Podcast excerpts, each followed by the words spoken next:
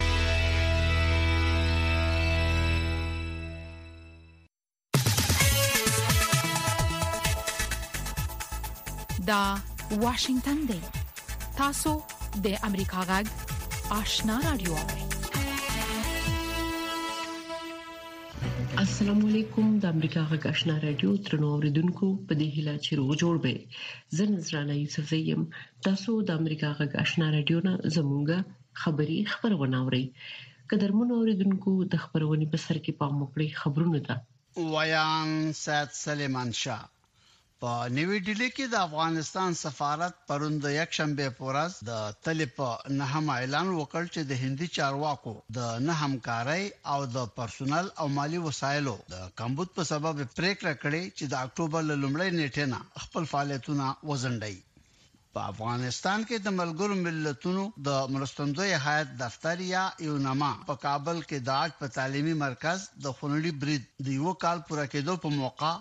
د دغه برید له قربانیانو سره خواخوږي څرګنده کړې یونما پرون د یکشنبې په ورځ په یوه اعلامیه کې چې د ایکس په ټولنیزه شبکې خپره کړې ویلي دي چې په دغه تعلیمي مرکز باندې د وسلوال برید په نتیجه کې څلور پنځوس زده کوونکي وژل شوي او یو سل او څوارلس تنه نور ټپیان شوي وو.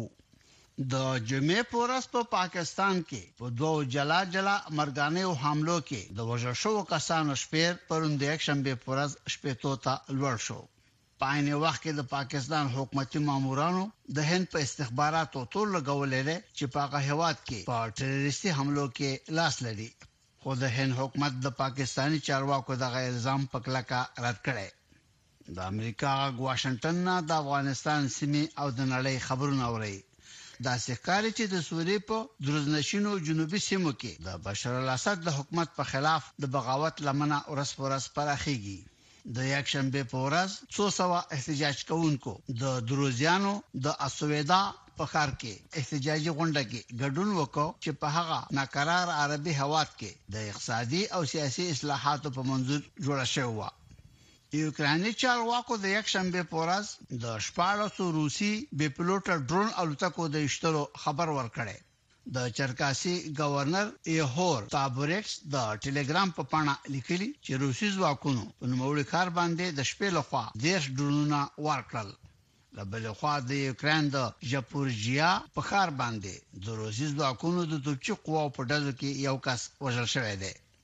د ترکیې د کورنیو چارو وزارت وايي چې یوه ځانمرګي د دغه وزارت د ودانۍ مخ ته د خپل ځان پورې تړلی بم الوځولی. د کورنیو چارو وزیر علي یرلیکایا پرون د یکشنبې په ورځ د تلې په نهمه د ایکس په ټولنیزه شبکه په خپله پاڼه لیکلي دوه تنه بریدګر چې په یو موټر کې ناستو د کورنیو چارو وزارت ته د رسېدو هڅه وکړه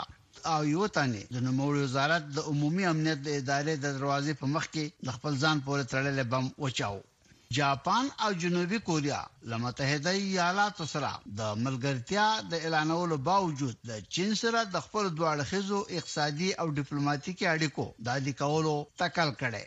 په ټوکیو کې د امریکاغږ خبریال چړونکو له قوله خبر ورکوي ممکن چې د چین جمهوررئیس شي جین پینګ سول ته سفر وکړي. واشنګټن چین ته د جاپان او جنوبي کوریا له خوا د پرمختللو ټکنالوژیو په لېږلو د بندیز لګولو هڅې پیل کړي، خو څارونکي په دې باور دي چې توکیو او سول له بیجینګ سره د دوه اړخیزو جنجال انګېزه مسایلو په اړه د تفاهم له لارې غوره کولو ته ترجیح ورکوي. له بلې خوا د تېرو شپږو میاشتو په موده کې د لومړي ځل لپاره د سپټمبر په میاشت کې په چین کې د صنعتي فابریکو د فعالیت لمنه پراخه شوه. چین چې د نړۍ دویم ستر اقتصادي قدرت ګڼل کېږي، کورونا د کوویډ نولس وبايي ویروس د خپرېدو نه وروسته د صنعتي تولیداتو کچه په فوق العاده توګه سوکه شوې وه. او د طالبانو د حکومت سیاسي کمېسیون په یوه مطبوعاتي بیانیه کې د افغانستان د پخواني پادشاه محمد ظاهر شاه د زوی میرویس ظاهر د مړینې له امله خپله غمرازي څرګنده کړې ده د خبرونو پای د امریکا غږشنا رادیو ترنو اوریدونکو تاسو خبرونه واوریدل په موکړی زموږ د خبرونې لومړی رپورټ ده. د افغانستان په اړه روسیه کې د جوړې شوې غونډې په څنډه کې د چین، پاکستان او طالبانو حکومت د استازو ګډه درې اړخیزه غونډه جوړه شوې ده. د طالبانو حکومت وايي په دې درې اړخیزه غونډه کې د ډیپلوماټیکو لارو د ستونزو په اوارۍ ټینګار شوی دی. د سیاسي چارو ځینې کارپوهان وايي چې چین او پاکستان دواړه افغانستان کې امنیتي اندېښنې لري. نور تفصيل په دې رپورټ کې. د طالبانو حکومت د بهرنیو چارو وزارت د مسکو پر مټ د جمعې د ورځې د غونډې په څنډه کې د افغانستان، چین او پاکستان ترمنځ د یوې درې اړخیزې غونډې د جوړېدو خبر ورکړی. د دغه وزارت مرستیال ویاند د ایکس په ټولنیزه شبکه کې په خپله پاڼه لیکلي چې په دې غونډه کې د بهرنیو چارو د وزارت د سرپرست مولوي امیر خان متقي په مشرۍ یو پلاوی د ګډون سربېره افغانستان لپاره چین ځانګړي استازي یو شینګ او افغانستان لپاره د پاکستان ځانګړي استازي آصف دراني ګډون کړی و ښاغلي تکل ویل چې په دې غونډه کې د افغانستان پاکستان او چین په اړیکو ګډو ګټو او تهدیدونو په تفصیل خبرې وشوې ښاغلي متقي پاکستان سره د افغانستان اړیکې دوستانه وبللې او ټینګار یې وکړ چې د ستونزو د راپورته کېدو پر مهال باید د رسنیزو څرګندونو پر ځای د ډیپلوماټیکو لارو ورته د حل لار ولټول شي. د پاکستان استازي هم ټینګار کړی چې ستونزې د دوه اړخیزو ډیپلوماټیکو چینلونو له لارې حل کړي. ښاغلي تکل د وینا له مخې چین استازي هم د افغانستان او پاکستان ترمپ د دوه اړخیزې ډیپلوماسۍ ستاینه کړې او د خپل هیواد له لوري ډاډ ورکړی چې په سیمه کې د امنیت، ثبات او پرمختګ د ملاتړي هیواد په توګه چمتو دی چې افغانستان سره په ګڼو برخو کې خپلې مرستې لا زیاتې پاکستان او چین د دغې غونډې په اړه تر اوسه رسنیو ته څه نه دي ویلي دا درې اړخیزه غونډه د طالبانو پر حکومت باندې د پاکستان د لوړپوړو ملکي او پوځي چارواکو د نیوکو او انتقادونو وروسته جوړه شوې ده پاکستاني چارواکي طالبانو حکومت نه یوازې د تحریک طالبان پاکستان ډلې ته د خوندي پټنځایونو په چمتو کولو تورنوي بلکې دا کې چې دغه ډلې وسلوال د افغانستان له خاورې په پاکستان کې د پاکستاني ځواکونو په هدفو باندې د بریدونو لپاره کار اخلي طالبان حکومت په پرلپسې ډول د تورنوي کړی د سیاسي چارو کارپو طارق پر حاجي د چین او پاکستان پاکستان او افغانستان د چارواکو ترمنځ جوړه شوې غونډه د روان کال د مې په میاشت کې په اسلام آباد کې د دغو هیوادو د بهرنیو چارو د وزیرانو د غونډې دوام ګڼي ښاغلی فرهادي وایي چې چین له افغانستان څخه د زیږیدلو امنیتي ګواښونو په اړه ډیر اندېښمن دی او د طالبانو له حکومت غواړي چې د دغه هیواد امنیتي ګواښونو ته جدي پاملرنه وکړي چین چندان خوش نیست که در افغانستان یک حکومت باشه که تمام روز مسائل دینی و افراطیت در اینجا باشه برای چین یک نارامی است چین آله بعد از اینکه امریکا خارج شده این فاز اول بود در فاز دوم میخواد که امریکا افغانستان یک کشور عادی تر باشه مثل پاکستان وار باشه خغله پرهدی وایي افغانستان د چین ګاونډی دی او په خپل چین د یغور سره ستونزې لري د سیاسي چارو بل کارپو حسن خان وایي پاکستان په سرګند دا ویلي چې د تحریک طالبان پاکستان وسواله ډله په افغانستان کې نه یوازې خوندي پټنځوي نه لري، بلکې د ښاغلي احسان خان د ادعا له مخې د فعالیتونو تر سره کولو ازادي هم لري. نو زما هم دا خیال له خپله باندې دا دی چې د دوی ډېر نږدې تعلق دی، ډېر یو بل سره ډېر ښه پېژندګلو ده او دا زیات امکان هم دا دی چې افغان طالبان د دوی په دې کاروایو باندې سترګې هم پټوي، یو طرف ته که هغوی پاکستان ته وایي چې یاره دا په د افغانستان خاوره نه استعمالېږي، خو بل طرف ته په پکتیکا کې د بادشاہ خان چې د هغه زخمی شونه د خود نور ولې مسعود پس دویم نمبر کس دی دا وړي هم کس دی دوم الته کې چې کوم دی د د آی ډی پلاس نو دی مطلب دا دی چې د خلک دغه تک شتم او د دغه تک ګرځي هم د دوی زینوم دغه تک دي د دوی کورونم دغه تک دي او په دې د افغان طالبان د غوي د سترګو لاندې یا د غوي د سوري لاندې په افغانستان کې چوند کوي حسن خان وای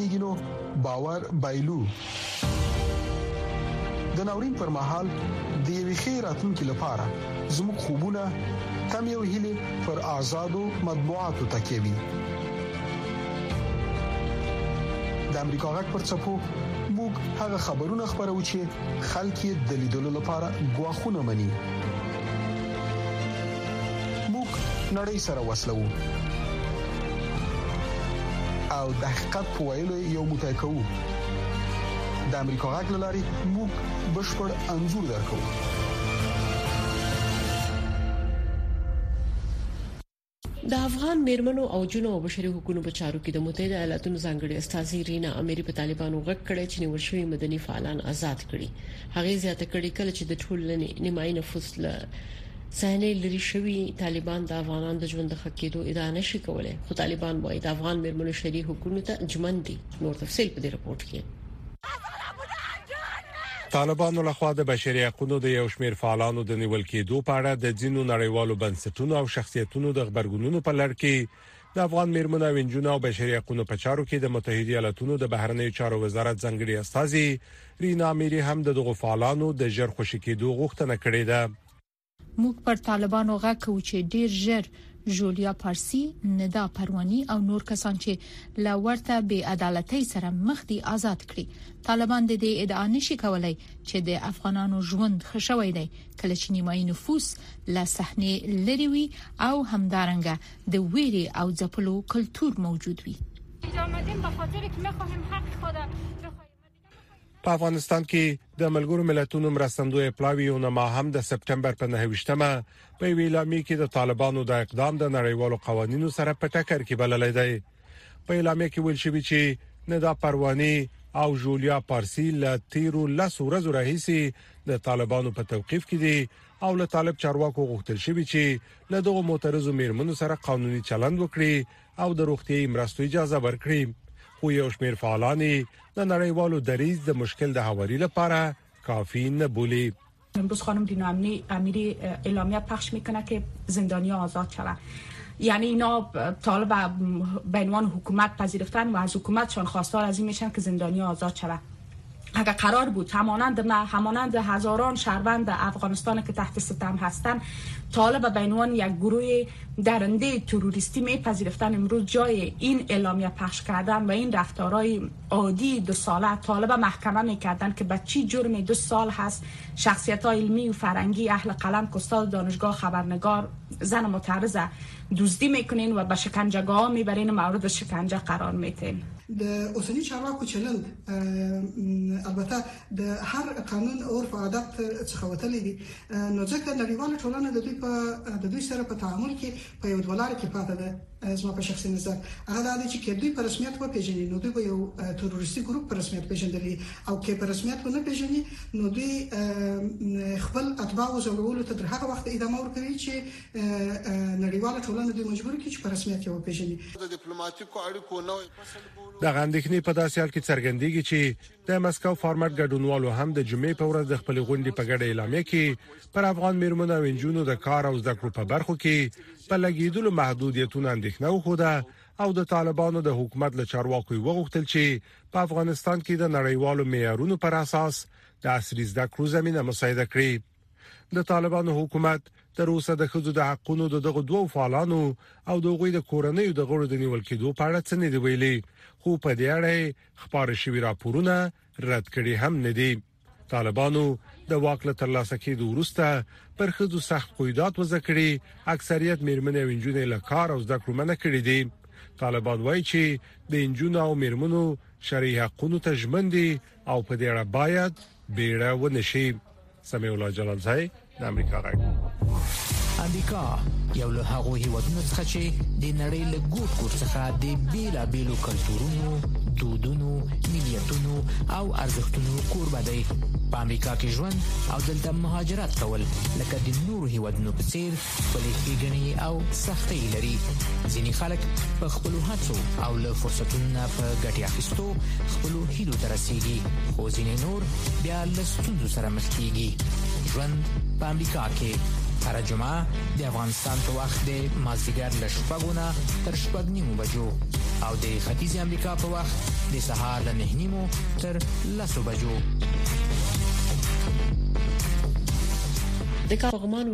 سوالۍ کې د جنو د لیسې پخوانۍ مدیره او د میرمنو د شورا مشر نیلوفر ابراهیم خیل وای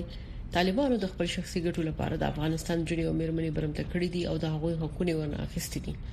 میرمن ابراهیم امریکا غږ ته ویل واک ته د طالبانو درسېدو ورځي د ژوند بده خاطره ده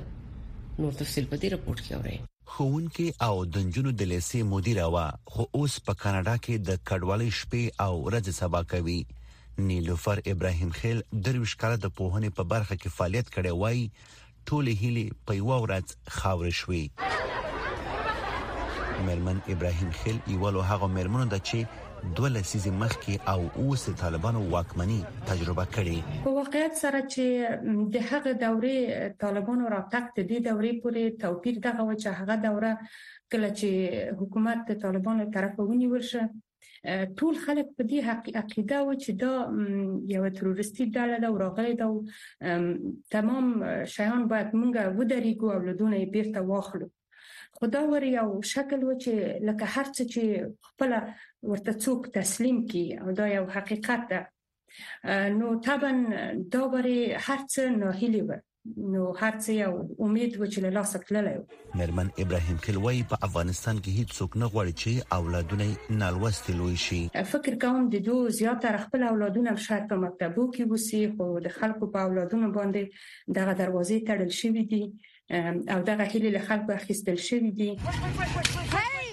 ابراهيم خل په دې باور دی چې په زور حکومت نه ساتل کیږي ورکه په یو دولت باندې یا په زور یا په یو پیمان یا په یو تسلیمۍ دوی ته حکومت ورکړ شو خو دوی هیڅ کله نشي کولای چې دا حکومت وساتي کوم حکومت کې چې یو نیم قشر دی وی جامعه د دوی په مقابل کې ولاړ که څه هم طالبان وایي چې د نجونو او میرمنو پر زده کړو بندیز تر امن ثاني پورې دی او په وی کړنلارې کار کوي خو دوه کاله وشول چې دا کړنلار جوړه شوې نه ده او د نجونو په وړاندې د زده کړو دروازې تړل شوې دي وحید فیضی د امریکا غږ واشنگټن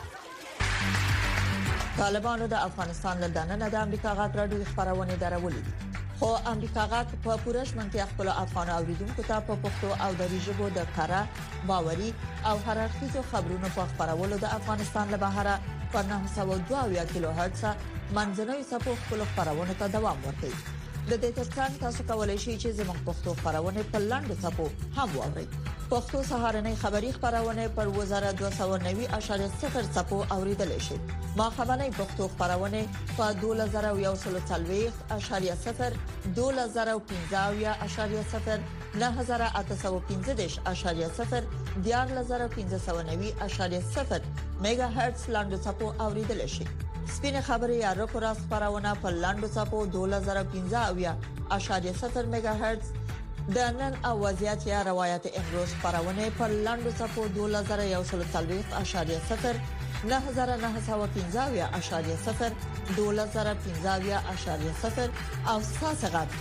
یا صداي شما خبرونه پر لاندو صفو 2513.0 9315 میگا هرتز اوریدل شي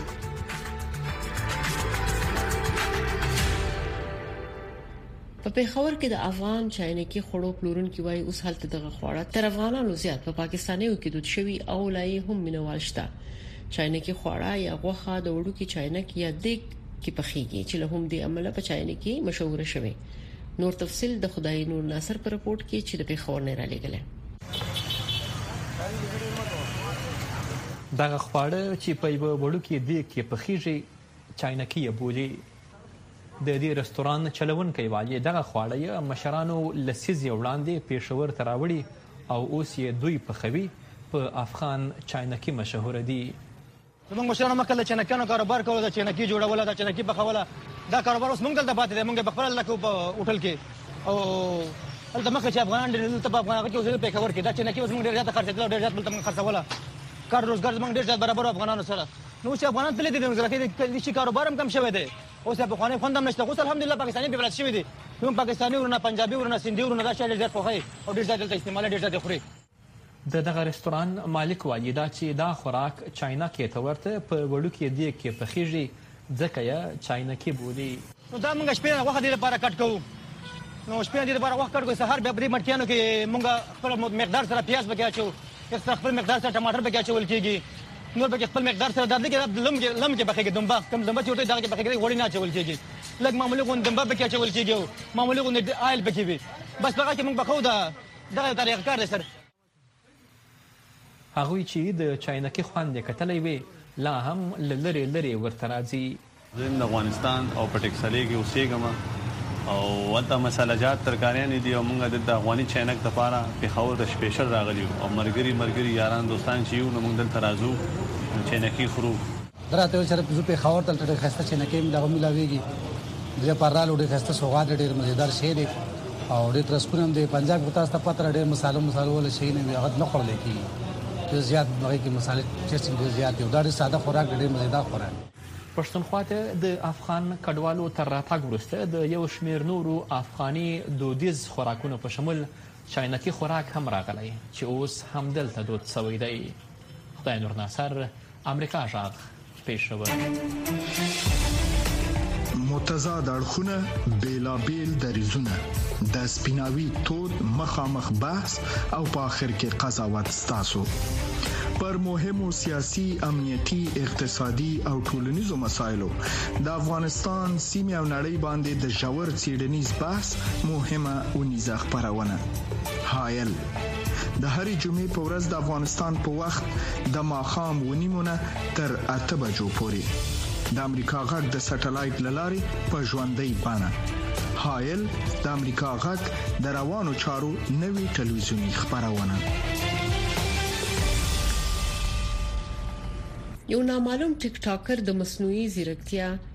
اې آی په کارولو سره یوه سندره جوړه کړه چې اکثره خلک فکر کوي دا د پاپ موسیقۍ ستورو جوړه کړې ده.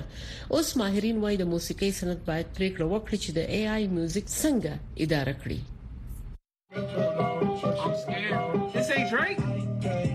دا د سندرو د یو ناڅرګند ټیک ټاکر لخوا خبره شوې ده د سندره د هنرمندانو ډریک او د ویکند په شان غوونه لري د سندره د مصنوعي ځیرکتیا په مرسته جوړه شوې ده دغه سندره مینوال ډیر متاثر کړل خو بیا د میوزیک په ډګر کې ځینې اندېښمن هم کړل ماهرین وایي چې د دې کار سر تر رسول دومره سخت نه دی you know once a computer has a, a sort of understanding of the کله چې کمپیوټر پر رټم پوه وینو غږونه سموي او الزامات زیاتو اطلاعاتو ته اړتیا نه لري From the weekend to generate you know, sounds that sound like him. د یونیورسل میوزیک ډله چې د دواړو هنرمندانو استازیتوب کوي د دغه نوروسته یو بیان خبر کو چې د هنرمندانو د میوزیک د ساتنې په اړه باندې ټینګار کوي خو کارپوهان وایي چې د اي آی سره دا ډول تجربه یوازې یو نوې پیل دی د غاښونو کریم بیرته په ټیوب کې نه ننوځي موږ باید پوه شو چې دا همداسې ده وانګ د موسیقۍ او اي آی په اړه درس ورکوي هغه د اي آی د صورت په اړه اندېښمن دی هغه څه چې په خطر کې دي هغه دا دي چې موږ څنګه خبرې کولی شو، څه کار کوو، څنګه حکومت کوو او دا چې موږ څنګه هنر ته وده ورکوو. ربیکا وایي چې د موسیقۍ سره تړلي خلک باید په دې اړه فکر وکړي. ایا دوی دا پریکړه کوي چې د پیسو ګټلو غوره لار د ای آی سندرو پیل کول دي چې انسان ته پکې ډیره اړتیا نشته د ډریک د دغه سندرې د خبرېدو راهیسې هنرمند دی ګرانټس د ای آی غږیک سافټویر جوړ کړی دی چې نور ته اجازه ورکوي چې د هغې د غږ سره موسیقي جوړ کړي او وړاندې ذکر دی چې نیمایي پیسې باید هغې ته ورکړل شي نظرانه یوسف زی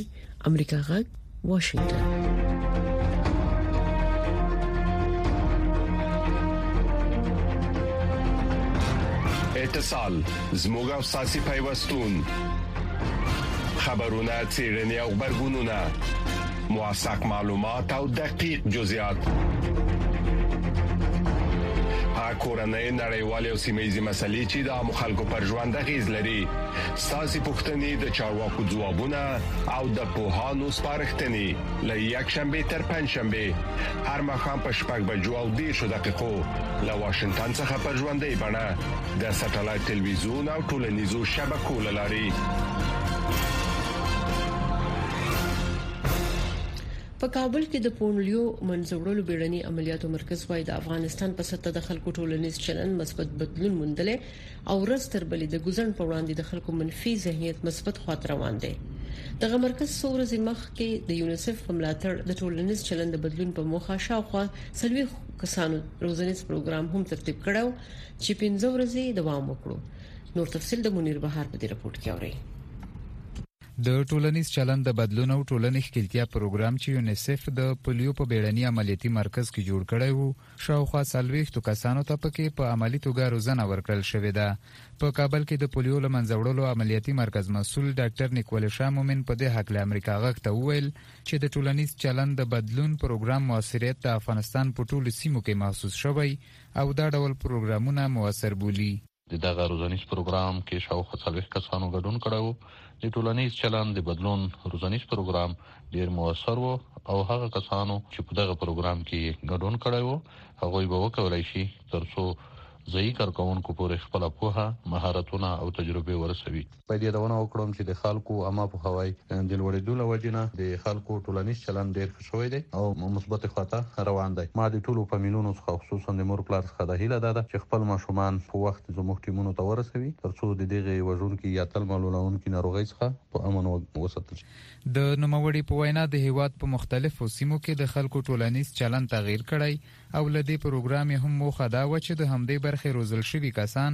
د ټولنې د ښکیلتیا او بدلون په اساسي مسایلو پوهاوی زیات کړي او بیا خپل تجارب له نورو خلکو سره هم شریک کړي. نوموړی وايي. د ټولنیز چلند د بدلون او ټولنې د ښکیلتیا روزنیز پروګرام څخه موخه دا وه چې د ټولنې د ښکیلتیا د برخې کارمندان چې دغې برخې د لا پیاوړتیا او سمون لپاره په اساسي مسایلو پوه شي او په راتلونکي کې په خپلو ولایتونو او ولسوالیو کې د پولیو واکسین نورو کارمندانو ته چې د دغې روزنیز پروګرام معلومات ورسوي. بلخوا د ګوزڼ د مخنیوي هلو ځلو په تړاو یو شمېر هغه تبلیغ کوونکي چې د کمپاینونو په جریان کې مختلفو کلیو بانډو ته ځي او کورنۍ هڅوي ترڅو خپل کوچنیان د واکسین له تطبیق محروم نه کړي وايي چې له دوی سره د خلکو چلند د پام وړ مثبت بدلون کړی. په خوست کې د پولیو کمپاین یو تن کارمند عنایت ارمان په دې هکله امریکا غږ ته داسې وویل. ښکلې همکاري چې ده زموږ سره ډېره ښه ده، تاسو خپله هم ویل ده چې شل دویشت نفره وو، په دې کې یو هم انکاري نه وو، ځکه چې دوی د واکسینو په ګټه پوهېدلي وو، نو کله چې د واکسینو پیدا دوی ته رسېږي، دوی حتما موږ ته ماشومان هم روباسي او موږ سره همکاري هم کوي، په دغه پروسه کې موږ سره په دې هغه کې ماشومانو پر وبسلو کې همکاري کوي ترڅو موږ دغه ماشومان په اسانۍ سره واکسین کو. که څه هم د افغانستان لرې پرتو او کلیوالي سیمو یو شمېر کورنۍ د کم پوهاوي له کبله د خپلو کوچنیانو له واکسین ډډه کوي خو عامې روغتیا وزارت له ماشومانو د ملاتړ صندوق یا یونیسف او نور نړیوال مرستندویه روغتیايي بنسټونه په دې هڅه کې دي چې د دغو کورنیو د پوهاوي سطحه لوړه او په هېواد کې د ګوزڼ له نورو پېښو مخنیوی وکړي.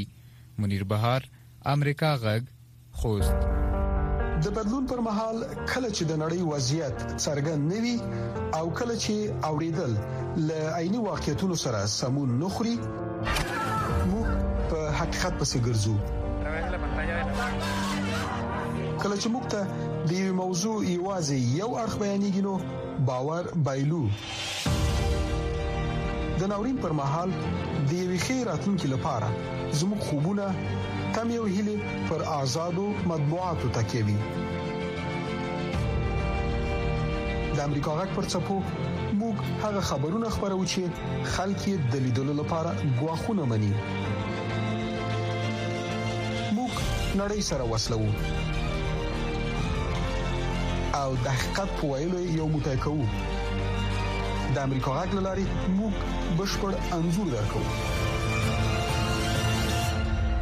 دلته په کویت کې دغه رستورانت کارکونکو یو نوی همکار موندل ده نومي کند او روبارت ده خو کند رستورانت د نورو کارکونکو په شان د ملمنو د څه خوړلو پښتنه نشي کولای او په میز ډوډۍ هم نشي کېخودلای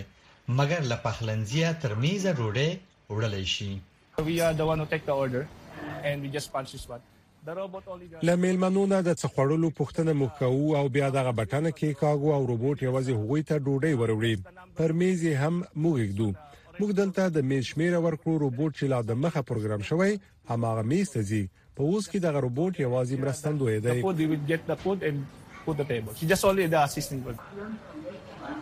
ډینر له خپلې کورنۍ سره د خوړو لپاره دلته راغلی. همدغه د انډراید سیستم روبوټ ورته ډوډۍ راوړې ده. هغه په دې اند دی چې اوس ماشینونه او روبوټونه د چوپړتیا په وړاندې کولو کې خورا زیات شوي دي. ورو ورو همدا لار ده. زه به ووایم چې که سل په سلو کې نه وي، نو لږ تر لږه څلوېښت تر شپېتو خو ده. شپېته سلنه انسانان او څلوېښت سلنه روبوټ. هو ولې نه، دا به د انسانانو ځای ونیسي. په کویټ کې د دغه خوړنځای مدیر وايي چې دوی په لومړي ځل خپل هیواد ته دا ډول روباټ راوړی. او دی کړنی خی ارزوی. اليوم العلم عم يتطور نه حدا شي اوس ساينس د دا ډول څیزونو په لور ډیره وده کړې اوس حتی جراحي عملیات د روبوټ لخوا تر سره کیږي نو کیدای شي یو ورځ به روبوټونه د کارکونکو ځای ونیسي مګر زه ډاډه یم چې د پیرودونکو لپاره یو کارمند ته به تل اړتیا وي چې له هغوی سره په اړیکه کې وي او خبرې ورسره وکړي روبوټ به په خپل ځای کې ښه کار وکړي له کارکونکو سره به مرسته کوي تر دې وړاندې د سعودي عربستان چارواکو هم ویلي وو چې د مصنوعي ځیرکتیا تکنالوژي او